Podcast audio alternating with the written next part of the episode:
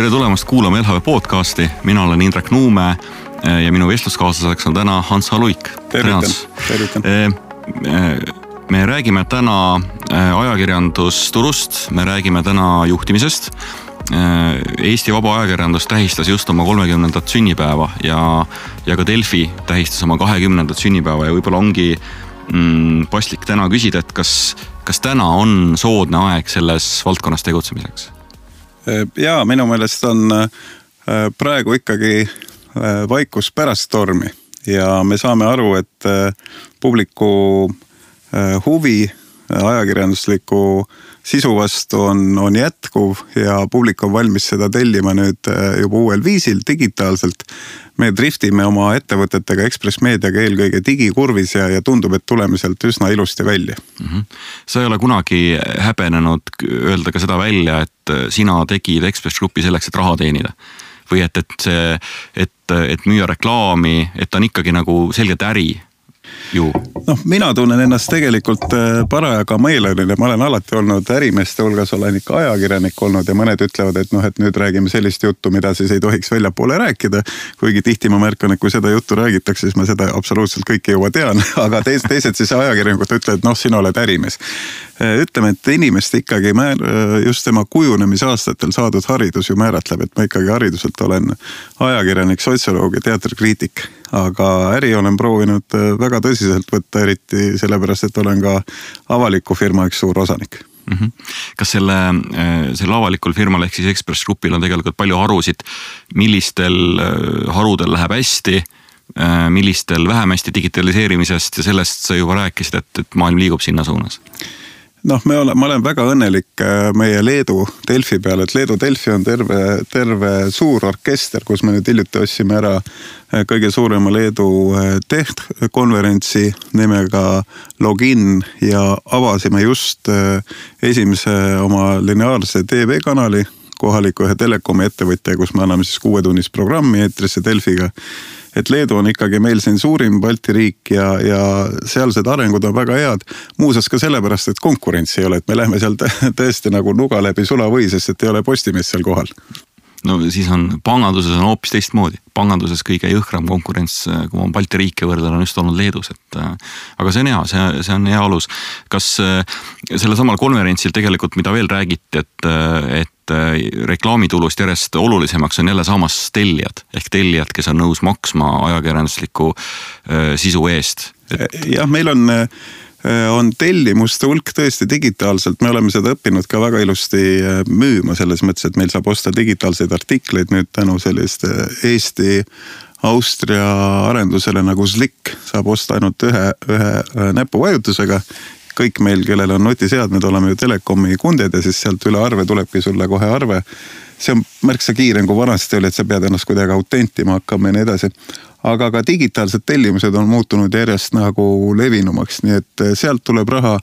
aga teisalt on nüüd reklaami ja, ja lehetellimuste vahele, ajakirjatellimuste vahele tekkinud üks huvitav eh, kolmas kommunikatsiooninišš, mis on siis sisuturundus mis alguses oli, ta oli selline kergelt kaheldav ja seda ei suut-, suudetud väga täpselt määratleda, et õnneks meil on ajakirjanduslik konkurents, siis ajakirjanikud näitasid üksteisele näpu peale, et kuule, et sa käisid. kuule, Priit Pullerit, sa käisid Finnairi kulul, eks ole, Hongkongis või kuskil seal ja kiitsid, aga unustasid ära, kes maksis.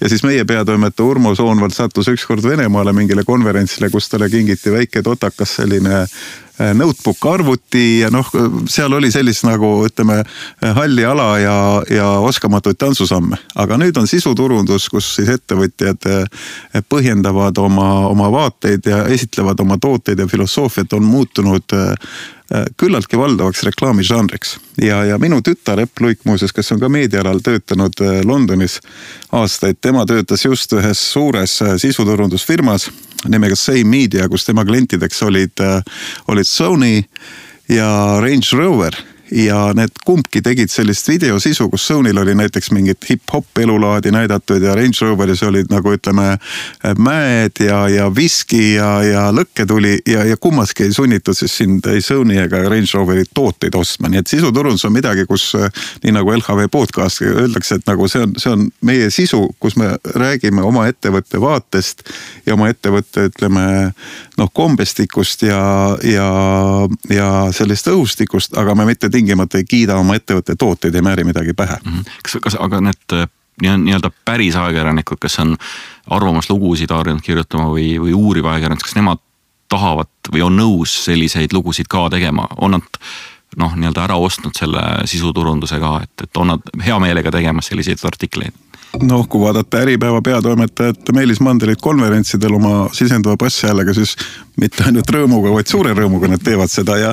ja ma ütleks ka, et ega seal nüüd ei ole midagi ette heita, kui sa ütled, et nüüd on teine formaat, et nüüd mina usutlen, ütleme Tallinki juhte ja siin selles formaadis me ei hakka kritiseerima, et miks teil koristajatel nii palju vaibapinda on, nad ei jõua, eks ole, see on, see on lihtsalt teine formaat, aga no need ei tohi segi ajada. aga siin ma ütlen, et lugeja on ikkagi lugeja on äärmiselt meediatundlik. Eesti lugeja on selline, kes võtnud oma sõnavarasse isegi meediast tulnud sellised nagu rubriigi nimed nagu Flash ja keegi ütleb, et noh, te olete ju kaks tilka vett ja siis keegi ütleb, et mul on sulle üks sahin ja. et inimene tunneb ära ka, kui, kui meedia muutub nagu info äh, edastamisest juba nagu pähemäärimisvahendiks, kohe tekivad sellised nagu tulekesed, näiteks ma ütlesin sealsamas Kosmosekinos meie ja Äripäeva, Ekspressi Äripäeva kolmekümnenda sünnipäeva konverentsil. et, et ma olen väga õnnelik selle üle, et, et Eesti on nagu minu meelest siiski läbinisti suhteliselt korrumpeerunud maa meie suurimate ehitus- ja transpordifirmade juhatajad ja need firmad ise on saanud ikkagi karme kriminaalkaristusi, samuti poliitikud. ja nende abimehed ka kinni istunud siin ridamisi. aga meedias raha eest ajakirjandust osta minu meelest ei saa ja siis selle peale reageeris õpetatud äh, meediakriitik Rein Lang Kuku raadio saates, mida nad teevad iga nädal koos Väino Koorbergiga, öeldes, et tegelikult see võib olla õige, et raha eest päris ei saa, kuid ta tõi näiteks rahvus, Rahvusringhäälingu saate Ringvaade, kus siis saatejuht Marko Reikop ikkagi võttis üht raamatut kiita niimoodi, et seal enam mitte midagi kriitilist ei olnud, jutt oli Elton Johni raamatust, kus lasti lõike Elton Johni äh, jutust, kus mingeid küsimusi ajakirjandusega ei polnud, pluss siis see raamat oli siis eetris ilusti, et võtke värskelt välja tulnud kirjastus see ja see, ostke.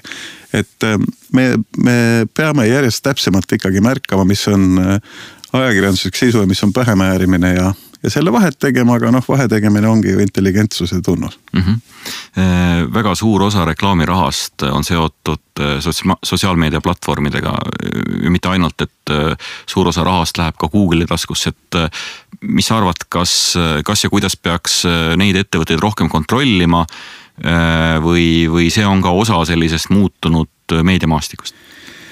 mina arvan, et nad on saanud Äh, need platvormid on saanud äh, ebaõiglase eelise no mis on ka mõistetav, sellepärast et ühiskond ja seadusandja ei ole veel harjunud, et platvormi vahendaja võib olla täiesti nagu riikideväline, riikideülene. sama, mis meil juhtus äh, siin taksoplatvormidega et nad suutsid ühel hetkel jätta mulje, et nad kuidagi tahavad mingit sõitu jagada, keegi ei ole, minu Pirita tupiktänavas ei ole ükski auto kunagi teel olnud, et tule Ants ka kaasa, ma olen sinnapoole teel. ja samamoodi on nende, nende reklaamiplatvormidega, kes konkreetselt väga hästi sihitavad oma reklaame siin Eesti Vabariigis need platvormid saavad väga täpselt öelda, milline noor näiteks Kalamajas tahab endale järgmisel kevadel Vespa motorollerit osta aga siis, kui küsitakse, et kuidas maksu maksmisega on, siis nad ütlevad, me võtame Ida-Euroopa tervikuna. ja see kõik ikkagi allub Prahale ja sealt kohe Iirimaale. et äh, digimaks on tarvis kätte saada, sellega on tegelenud seesama Iirimaa, sellega on tegelenud Poola, Holland ja see kätte ka saadakse. meie seadusandja on olnud natuke aeglasem, aga, aga meediaettevõtete liit on praegu saavutanud vist lobitöös väikse läbimurde. et tunnistatakse, et kui sa siin raha korjad siis siin sul tuleb ka, ka need maksud maksta, seal on mm. mitmed maksud okei okay., Eestis on täna sellest samast meedia, meediamaastikul kolm või õigemini neli suuremat gruppi on Ekspress, Postimees, ERR, Äripäev. kas sellest piisab hea ajakirjanduse tegemise jaoks? või oleks siia kedagi juurde veel vaja? Noh, mina ütleksin veel, et äh, kui neid äh, tooteid äh, või neid meediagruppe vaadata, siis neil on veel ka erinevaid tooteid. et sellel samal Postimehel on ju maakonnalehed, mina näiteks olen mulgina suviti olen Sakala lugeja ja meil on ka Ekspress Grupis sul on niisugused tooted nagu, nagu Maaleht ja samas sul on siis Ekspress ja samas sul on veel osalus Õhtulehes, et omamoodi väga, väga erinevad ja mulle teeb viimasel ajal ka nalja, kui Eesti Päevaleht ja Eesti Ekspress tänu oma toimetajatele erinevale ideoloogilisele kallakule suisa nagu natuke vaidlevad ideoloogiale, üks natuke liberaalsem, teine võib-olla natukene sotsialistlikum. et äh, kui, kui eri väljaannete lõikes võtta, siis meil on ajakirjanduslik konkurents on minu meelest nagu üle mõistuse terav et äh, mul on nädalavahetuseti, mul on selline tava, et ma sõidan siis isa koju äh,, vanemate koju ja ja sõidan, sõidan emale külla ja siis mulle veel, ma loen kohutavalt palju ja mul on siis auto tagaistmel on tihtipeale veel on, on ajaleht Sirp ja siis ma võtan teinekord tasuta levist Keskussi või Müürilehe. ja ma tean, et mul on veel äh, Vikerkaar, mis on väga tore punane väljaanne, tihti, tihti loen natukene muiates, aga neid, neid tekste ja, ja mõtlen ise, mis ma vastu ütleksin, kui keegi oleks kuulamas. et meil ilmub väga palju häid tekste, nüüd küsimus on selles kas me mitte ei pihusta ära neid häid tekste ja, ja selles mõttes avalikkus nagu arutlusruumina kaob ära et kui mina küsin, mida sa lugesid viimasest Sirbist, siis sulle võib-olla meenub hoopis, mida sa lugesid, ma ei tea, Loomingust ja mulle meenub, mida ma lugesin Postimehe kultuurilisast. et arutluspinda ei teki, kuna, kuna neid kohti, kus avaldada, on liiga palju. ja seetõttu minu meelest, kui sa mainisid ka riiklikku kirjastamist või ERR-i sa mainisid, aga ma ütleks, et on olemas riiklik kirjastusperioodika, kes tegelikult võiks natukene selle asemel, et hajutada seda intellektuaalset potentsiaali, ütleme, et hiljuti nad võtsid endale veel tasuta ajalehe Müürileht kirjastamise enda kätte. et selle asemel seda hajutada, nad võiksid neid ühendada rohkem, lihtsalt, et oleks arutluspind, et ma olen lugenud sama asja, mis sina ja jätkame samast punktist vaidlust mm. -hmm selles samas punktist vaidlusega mul tuleb üks lihtsalt üks jutt meelde, et Siberi rahvastel pidi olema niimoodi, et. et kui nad noh, nad väga pika jutuga ei ole, ajavad karja ära ja neil on mingi vestlus ja siis nad peavad oma teed minema, et kui nad järgmine aasta kokku saavad, siis nad jätkavad vestlust täpselt samalt kohalt, kus, kus meelde jäi. või vaikimist samalt kohalt. või vaikimist äh, äh, kas ERR-i peaks riik hoidma? või oleks mõistlik see ikkagi anda nagu erakätesse, mis sa sellest arvad? Noh, ma ütleksin, et meedia, tänapäeva meedia on enneolematult refleksiivne ja ta õpib väga mõõtma, mida täpselt publik loeb, millele reageerib. ja teinekord isegi animaalsel tasemel, et milline nagu pealkiri tekitab klikk ja milline pilt või video, mida hakatakse vaatama, mida ei avatagi, ei teki seda impression'it ja. ja seetõttu on väga hea, kui ERR ajab oma asja ja ei ole tingimata just tähelepanu sõltlane. Sellepärast, et kui tugevat avalik-õiguslikku nähtust ei ole, siis tekib selline amerikaniseerumine kus igaüks hakkab ikka konkreetselt ideoloogiliselt oma joont ajama. Äh, meeme järjest hüsteerilisemaks ajama, järjest suure, suuremad kaosekurtjad tekivad eetris, järjest ilusamad nagu Fox News, ilusad konservatiivsed rumalad tüdrukud ja saavad väga palju vaatajaid. et selles mõttes on hea, kui kuskil riik toob mõistuse majja, et, et keegi ei pea just võitlema äh, reklaamiandja tähelepanu eest. aga teiselt poolt ERR on äh, ta on oma soliidsusest on saavutanud sellise nagu puutumatu maine, et äh, kui vaadata, kui palju nende äh, saateid võrreldes nende vaatajaskonnaga on administreeritud, no see on lihtsalt nagu üks bürokraatiapesa, kui vaadata, palju neil on juhatajaid, direktoreid, osakonna juhatajaid seal majas, et äh, ta läheb kindlasti bürokraatlikuks. pluss veel, ta on kogu aeg harjunud käsi pikalt maksumaksjalt juurde küsima ja maksumaksja isegi ei küsi, et nagu kas kõik see raha, mis maid minu meelest üle neljakümne miljoni see aasta eelarve ERR-il, et kas ta läheb kõik avaliku, avalik-õigusliku funktsiooni täitmiseks. või nad teevad lihtsalt meelelahutust, kui lihtsalt äh, kena Anu või keegi teine lihtsalt äh, pühapäeva hommikul räägib, kus on kena kontsert ja kellel on jällegi mingi plaat või, või raamat välja tulnud. millise meelelahutusega saavad väga hästi erakanalid hakkama, nii et see, et teha mingisuguseid portaale, menu või üldse, et, et internetis konkureerida Äh, äh, eraväljaannetega uudiste alal, see minu meelest ei ole vajalik. Aga, aga äh, programmid, arutlussaated keskkonna, sõjaväeteenistuse, kultuuriteemadel on meile väga vajalikud. Juhtimisest ka, sa küll täna otseselt ise igapäevaselt suurt organisatsiooni ei juhi aga varem olid sa nagu ikkagi vägagi kättpidi nii-öelda mootoris ja masinavärgis sees, et kas juhtimine sinu hinnangul selle kahekümne aasta jooksul on olulisel määral muutunud? kõigepealt ma olen õnnelik selle ettevõtja põlve jooksul, et ma olen esimene väljaandja, kes võttis tööle vabariiklikusse väljaandesse naispeatoimetaja. Ekspressi peatoimetajaks võtsime daami nimega Tiina ja siis esimene ka, kes võttis üldse Baltikumi kirjastuse juhiks naisterahva Mari-Liisi. et äh, seda lihtsalt varem ei olnud kombeks, see oli kuidagi ülemuse tool oli kindlasti nagu äh, meestega täidetud ja, ja see oli nihuke naljas matšokultuur, mis oli. teine asi on see, et, et on väga palju äh, teravamalt tarvis juhtida moodsaid koosolekuid, näiteks kui me räägime programmatic reklaami. Noh, see on praktiliselt robotite, robotite paigutatud reklaam ja veel nende hinnaoksjonid, mis online'is jooksevad, nende korraldamisest ja räägime sellest, milline on seal siis nagu suhe Google'iga ja mismoodi meil omavahel tuleks siis nagu neid hindu vaadata võrreldes bännerreklaamidega, mis on nagu vananenud reklaamimeetod ja siis selle uue Äh, suhteliselt sihitatud pommitamisega. et seal on väga lihtne äh, kui ka IT-arengud on nagu kaasatud seda koosolekut lasta laiali, et kõik midagi räägivad, siis eraldatakse mingi summa, siis kui koosolek hakkab lõppema, siis keegi ütleb veel, et eelarvet on tarvis ootamatult suurendada.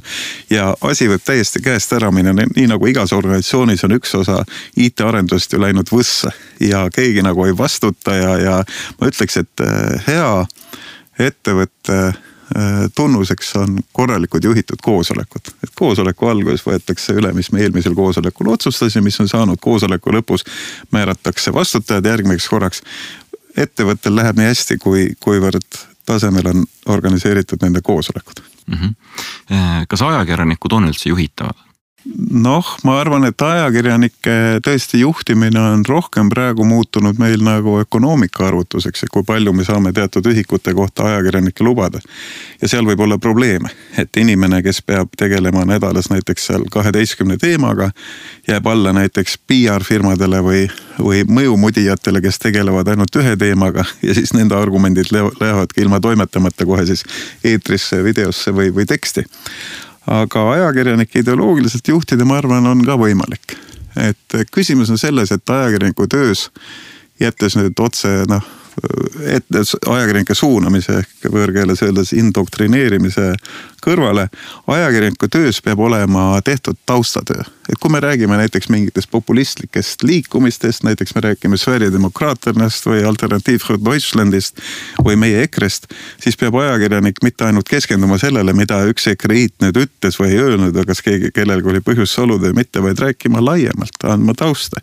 et me teame näiteks, et Alternatiiv für Deutschlandi inimesi Saksa Bundestagis ei võeta kaasa ühistele reisidele kuskil mikrobussis, nendega ei istuta õllelauda ka Rootsi Riksdagis nendega lihtsalt teised parteid ei räägi, nad ei ole seal kummaski riigis ka valitsuses.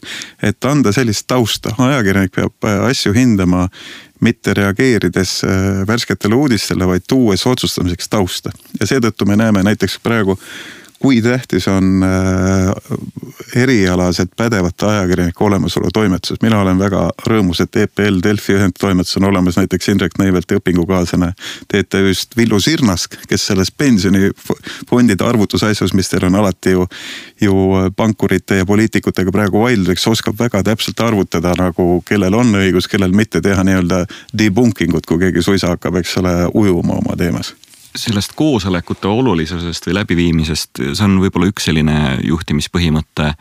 mis need veel teised sellised olulised juhtimispõhimõtted on, millest, mida sa ise järgid või mida sa kindlasti soovitad, et, et, et töötavad?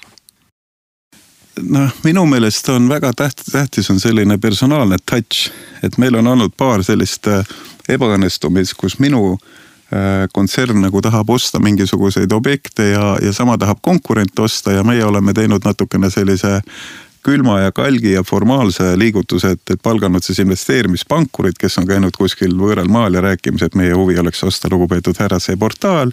lugupeetud härrad ütlevad pankurile, et me kindlasti helistame tagasi, kui midagi müügihuvi on, praegu ei ole.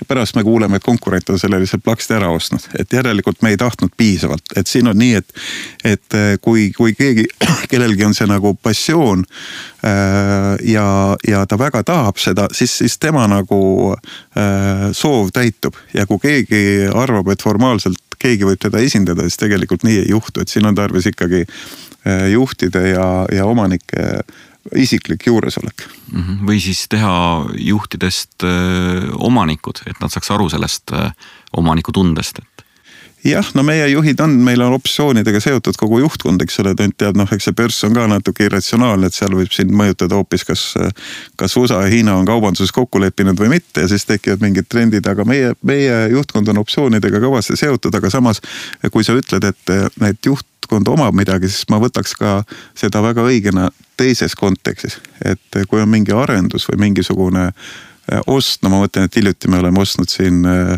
mõned internetiportaalid, mis on ka pooleldi meedia nagu laenuvõrdlusportaalid eh, Lätis, Leedus. siis see peab olema mingi juhataja poolt omatud, et see on nüüd tema asi, tema vaatab, kuidas seal eelarved on püstitatud, milline on laienemisplaan ja, ja, ja nagu omab vastutust selle asja üle, see on väga tähtis, et keegi kannaks ette mm. -hmm, hea point äh, kuidas häid inimesi meediaettevõttesse juurde saada ja kuidas neid seal hoida? No noortega on meil olnud probleeme, on olnud niimoodi, et tuleb mõni noor, kes äh, töövestlusel räägib väga pädevalt, küllap ta on motiveeritud ja välismaal käinud ja, ja räägib naeratades. ja siis on selge, et kui ta on paar nädalat tööl olnud, siis tal tekib sellest tööst stress, et see, et ta on seotud mingite ülesannetega, see nagu kammitseb teda ja seda on järjest rohkem olnud, eriti, eriti meie Läti äh, firmades, kus, kus inimesed lihtsalt, äh, kes igapidi tundsid sobivat, ühel hetkel on kumm tühi ja ja meilidele ja, ja kõnedele enam ei vastata. et äh, niisugust asja tuleb värbamisel rohkem ette, ma panen tähele. Äh, teine asi on see, et, äh, et tuleb hoida tasakaalu, et kui on toimetuses noori, see on hea, aga kui nende nende nii-öelda elavik, nagu öeldakse, või, või isiklik kogemus, see elavik äh, ulatub ainult kolme aasta taha no siis ta ei tea, mis siin vabariigis varem on toimunud, et kes asutas äh, Tallinki ja mis nime kandis varem Swedbank ja peab olema inimesed, kellel on seda ajalist perspektiivi. ja siis muidugi meedias on üks väga suur vahe ja minu omaaegne, praktiliselt eluaegne konkurent Mart Kadastik seda ühel hetkel väga hästi iseloomustas, ta ütles niimoodi, et online ajakirjanikud, nad on nagu mägisuusatajad ja tekstiajakirjanikud lehtedes ajakirjades on nagu laskmasuusatajad, et see on erinev tõug, erinevad võtted, et sa ei saa neid päris koos hoida. ja me oleme nüüd teinud tõesti online ajakirjanikest on saanud meil tõesti täiesti superhiired, et tal on kohe kaamera käes ja siis ta paneb ühe käega kirja, teise käega ta, ta filmib iseennast, kui ta intervjuud teeb ja võib-olla on tarvis veel intervjuu objektil teatavatel põhjustel järele joosta, enne kui ta auto ukse kinni tõmbab ja, ja, ja gaasi annab. et see on muutunud hästi selliseks nagu noh, ütleme rööprähklemiseks see, see rindeajakirjaniku positsioon nii-öelda. näiteks väga häid ajakirjanduslikke lugusid, tekste kirjutab tihtipeale Delfi ja, ja Päevalehe kuulus ja pärjatud fotograaf Andres Puting, endine kriminaalpolitseinik mm. -hmm. kas äh, ajakirjanikke tunnustatakse täna Eestis piisavalt, mis sa arvad?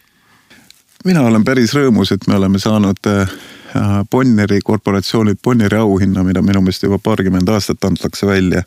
täitsa arvestatav raha. Pluss me oleme pannud siis metseenide klubiga nelja kirjastajaga, nende hulgas siis mina, minu kursuvend Margus Mets, praegu Postimehe kontserni töötaja, Igor Rõõtov äh, Leito, Toomas Leito ja siis jah, on veel, on, on veel ka Jüri Ehasalu tegelikult juures äh, Eesti kiriku väljaandja, pikaaegne Silberauto nõukogu liige, et oleme pannud ka välja nii noore ajakirjaniku preemia kui elutööpreemia, neid preemiaid peaks olema kujunduse valdkonnas, foto-video valdkonnas, arvamusloo valdkonnas.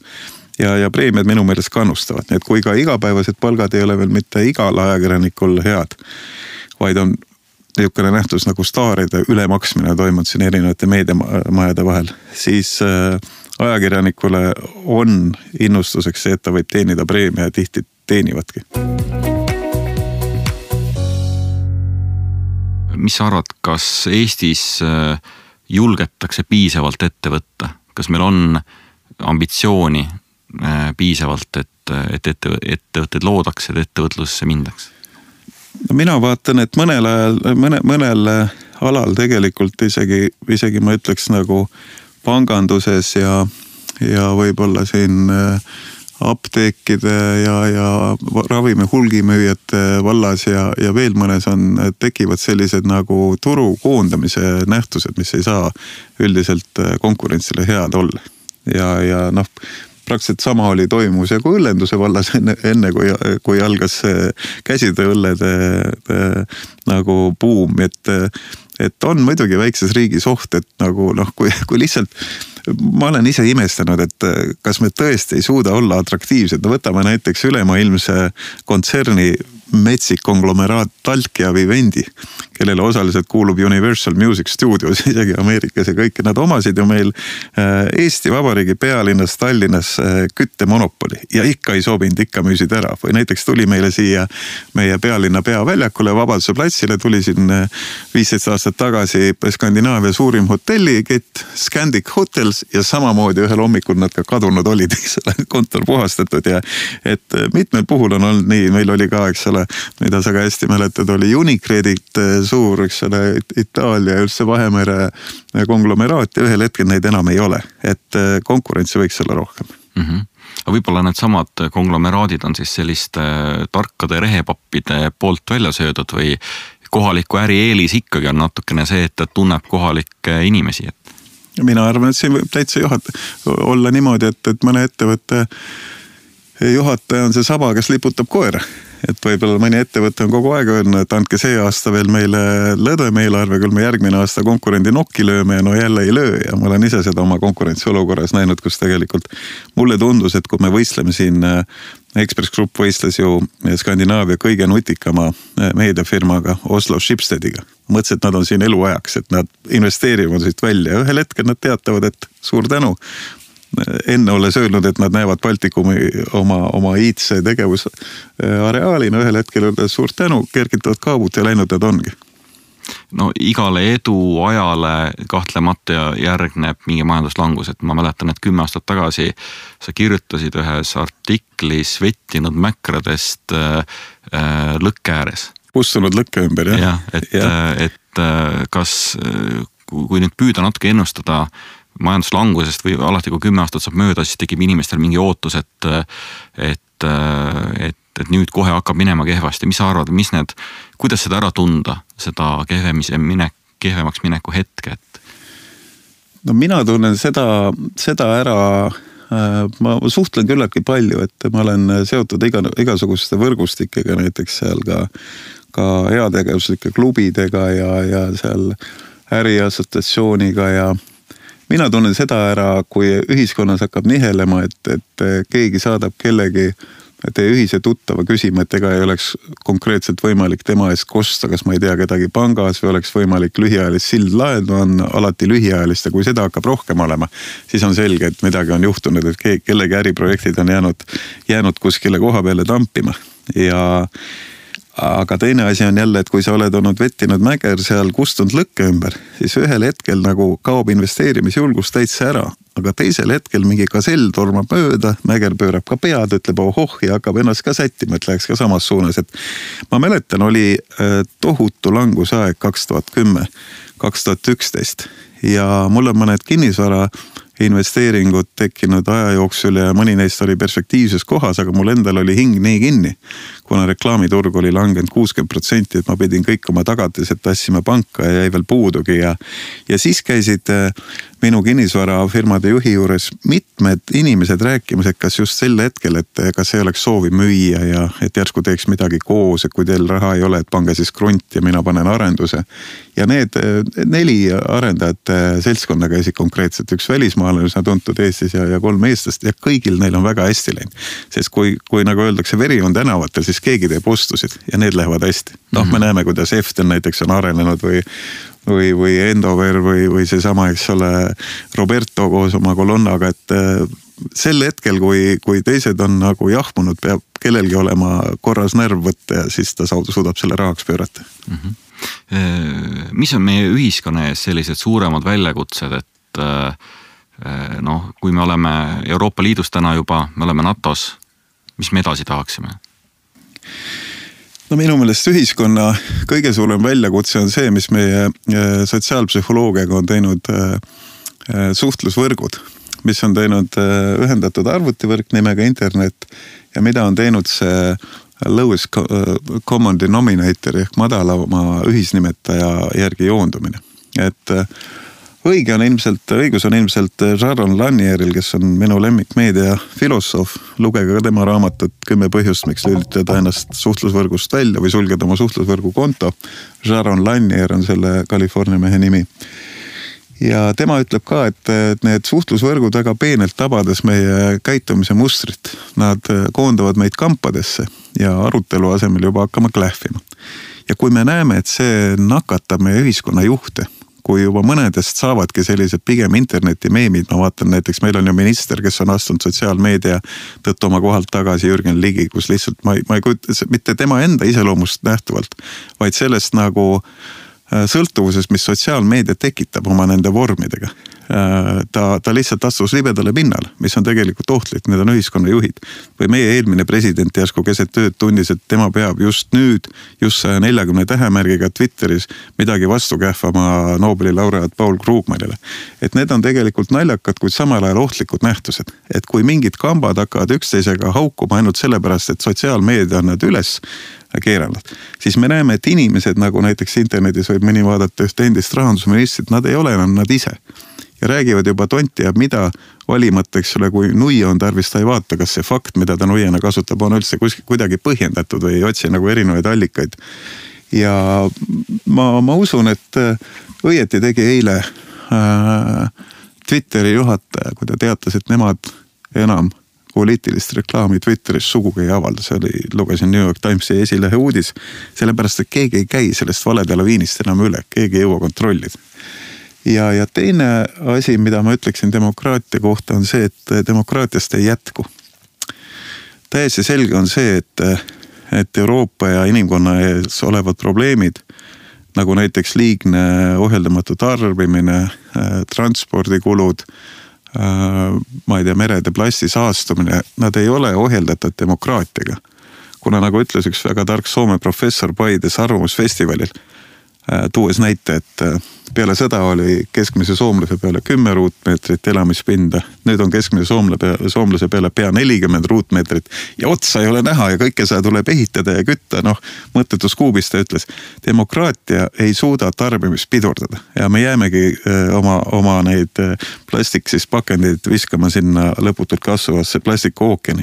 et on tarvis mingisuguseid, nagu omal ajal Eestimaa Rahvarinne moodustas toimkondasid, demokraatia üleseid toimkondasid, kellel oleks rahva usaldus, kuid mandaat ei oleks väga lühike, mandaat peab olema seotud sellega, mis on konkreetselt tarvis ära teha, mitte üldise mandaadiga, nii et peab ütlema, et vaadates ka, kuidas Hiina küllaltki agaralt oma keskkonda puhastab, millega neil on väga suur probleem, on neil ka samasugune võimekus seda teha ja Hiina ju ei ole demokraatia. nii et ei ole üldse selge, et igaühe hääl võrdsena võimaldab meil oma tulevikku kuidagi enda käes hoida mm. -hmm. sa oled äh, varasemalt alati kaitsnud äh, Delfi anonüümset Äh, kommenteerimisvõimalust, kas, äh, kas sa endiselt arvad niimoodi sellest just eelnevalt, mis sa ütlesid?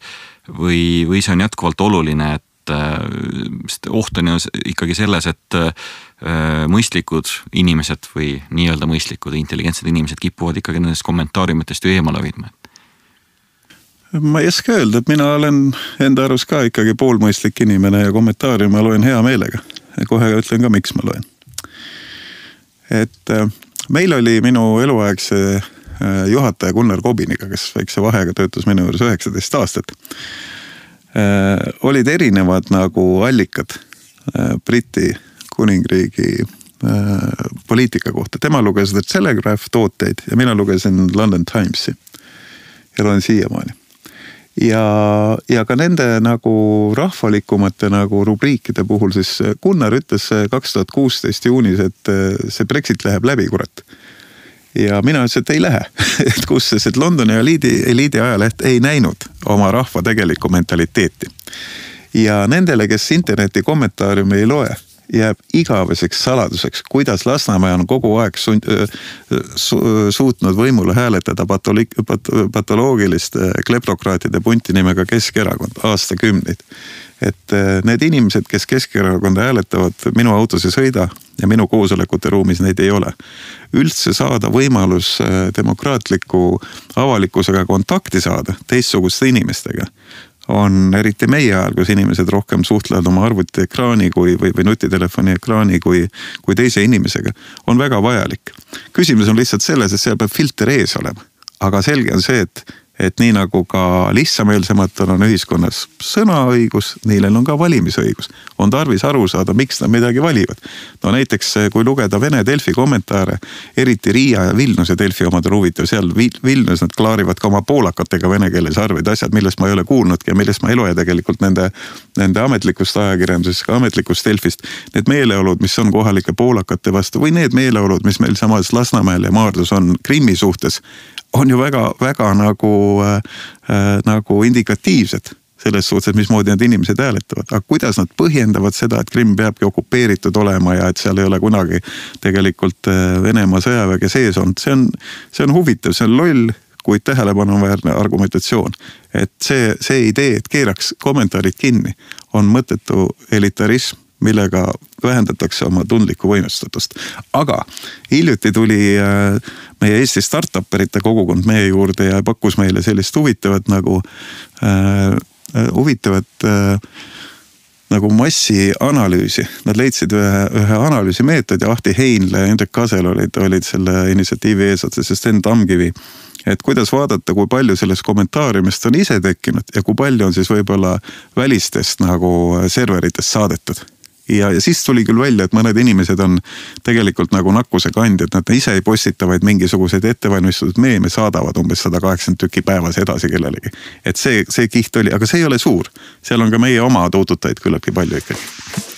okei okay, äh väga põnev vestlus oli, aitäh sulle, Hans, selle vestluse eest. suur tänu, Indrek. jah, stuudios oli Hans H. Luik. Me rääkisime täna meediarist, äh, juhtimisest, äh, ajakirjandusest, ajakirjanduse sisust äh, ja sellest, kuhu me ühiskonnana oleme teel. Te kuulasite LHV podcasti, mina olen Indrek Nuume, kuulake meid jälle